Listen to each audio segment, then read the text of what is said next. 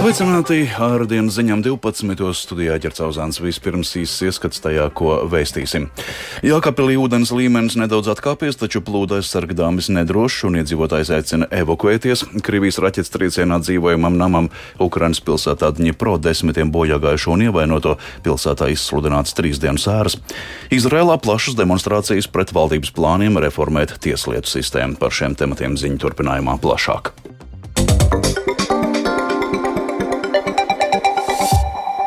Plūdu aizsargdāmas Daugavā pie Jākapils joprojām nedrošs un apdraudētajās teritorijās dzīvojošos glābēju un pašvaldību aicina evakuēties.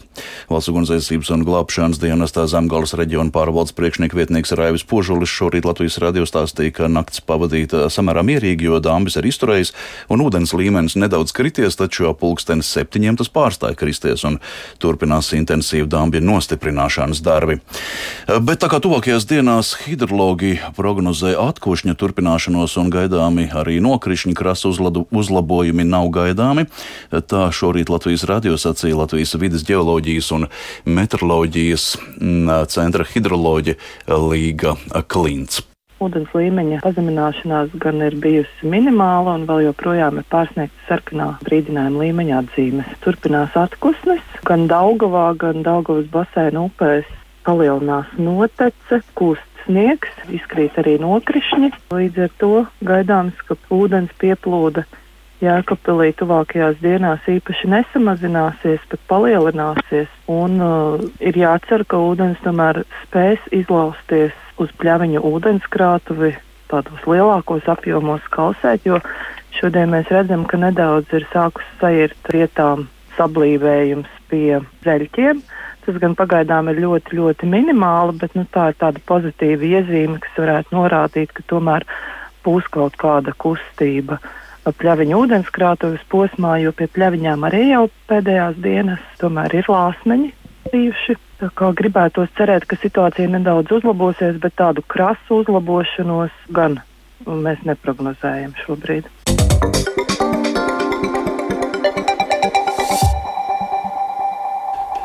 Jā, tātad plūdu aizsargdāms Dagvā pie Jākapils joprojām nedrošs ūdens arī turpinās celties, tā prognozē hidrologi, bet šobrīd esam sazinājušies ar mūsu kolēģi Ievu Puķi, kura atrodas Jākapilīs vai Kievu, vai tu šobrīd mūs dzirdi? Labdien, es dzirdu, vai dzirdat mani? Jā, tātad ko esi Jākapilī uzzinājusi, tu arī parunājies ar izglābtajiem cilvēkiem? Jā, lai gan šorīt sarunājoties ar glābējiem, Jēkabils postenī noskaidroja, ka no viņu redzeslokā nonākušajiem plūdos apdraudētajiem 18 cilvēkiem evakuācijas mītnēs nakšņojuši tikai 5. Uh, eh, nakšņotāju skaits tomēr izrādījās krietni lielāks. Jēkabils otrās vidusskolas dežurants sacīja, ka naktsmājas šeit pagājušajā naktī dotas 17 cilvēkiem, uh, aizbraucot uz trešo vidusskolu, gan pārliecinājās, ka tur neviens nav nakšņojis. Uh, bet pašvaldības pārstāve Margita Liepiņa informēja, ka pieci plūdu apdraudētie izguldīti viesnīcā Vārpa. Viņa tomēr lūdza nefokusēties uz skaitļiem, jo cilvēki naktsmītnēs nākot un ejot, uh, viņus atvedot dažādi dienas, pats galvenais esot nodrošināt viņu laicīgu evakuāciju.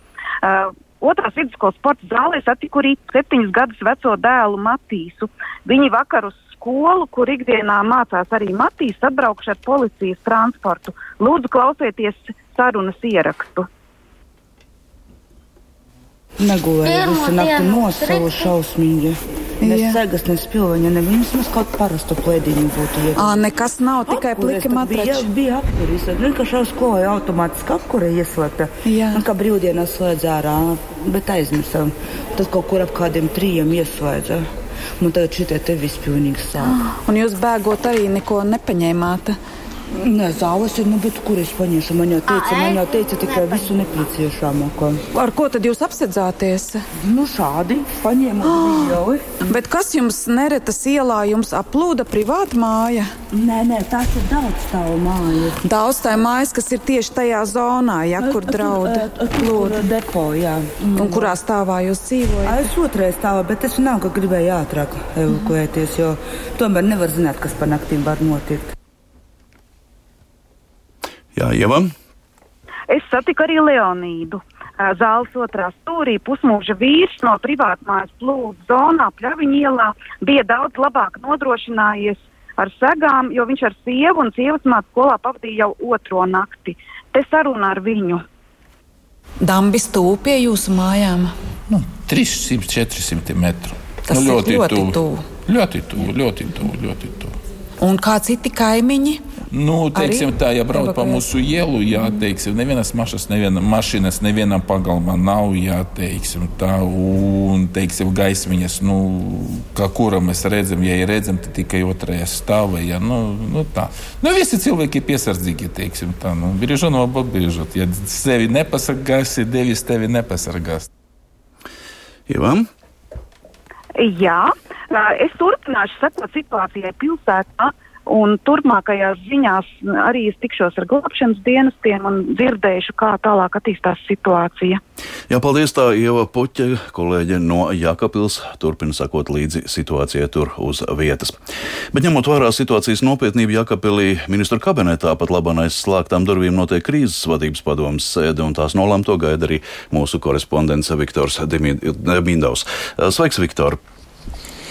Sveiks, Girts! Sveicināti Latvijas radio klausītāji! Ko tev izdevās noskaidrot šobrīd? Jā, tagad es atrodos valdības mājā, kur eh, ministri kopā ar dienestu ekspertiem spriež aktuālo situāciju Jēkpilī, iespējamo attīstības, iespējamos attīstības scenārijus un nepieciešamo palīdzību. Īsi pirms sēdes man izdevies aprunāties ar vides aizsardzības un reģionālās attīstības ministru Māris Prindžuku no apvienotā saraksta, kurš norāda, lai gan šoreiz ir sasniegts ļoti augsts ūdens līmenis, nevar teikt, ka pie tā ir vainīgas hidroelektrostacijas.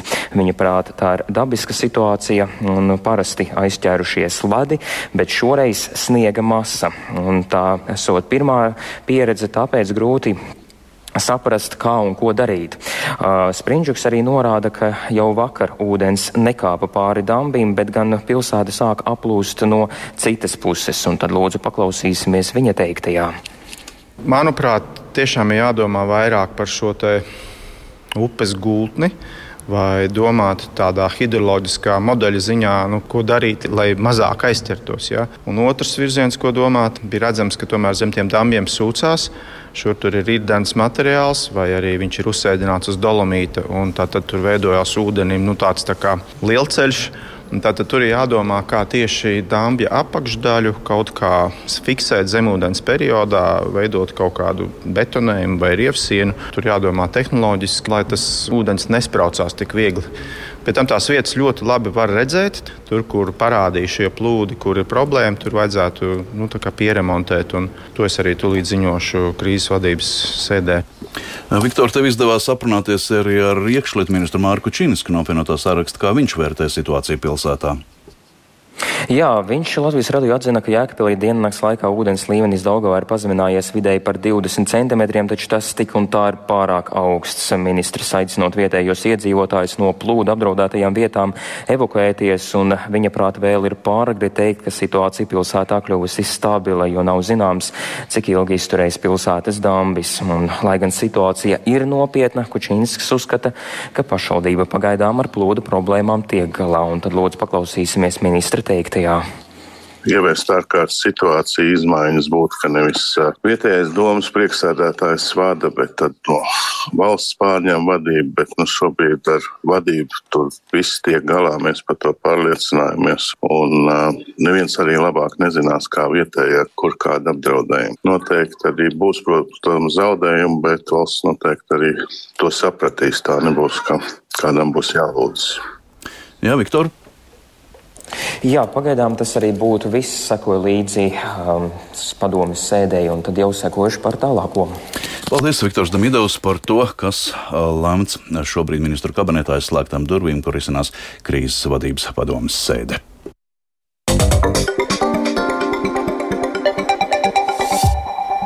Pieaudzis nogalināto skaits vakar notikušajā Krievijas raķetes triecienā pa daudz stāvu Nāmodiņa propilsētā Ukrainā. Glābšanas un meklēšanas darbi turpinās.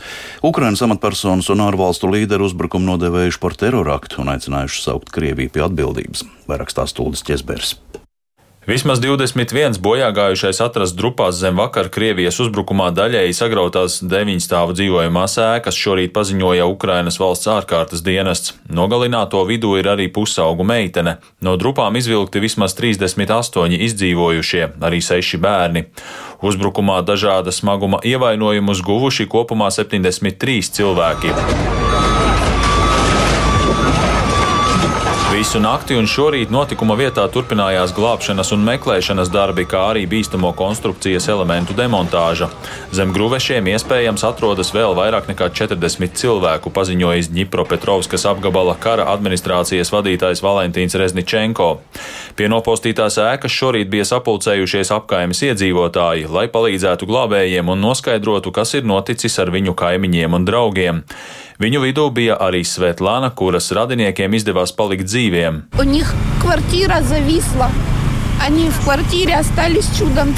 Viņu dzīvoklis karājas gaisā.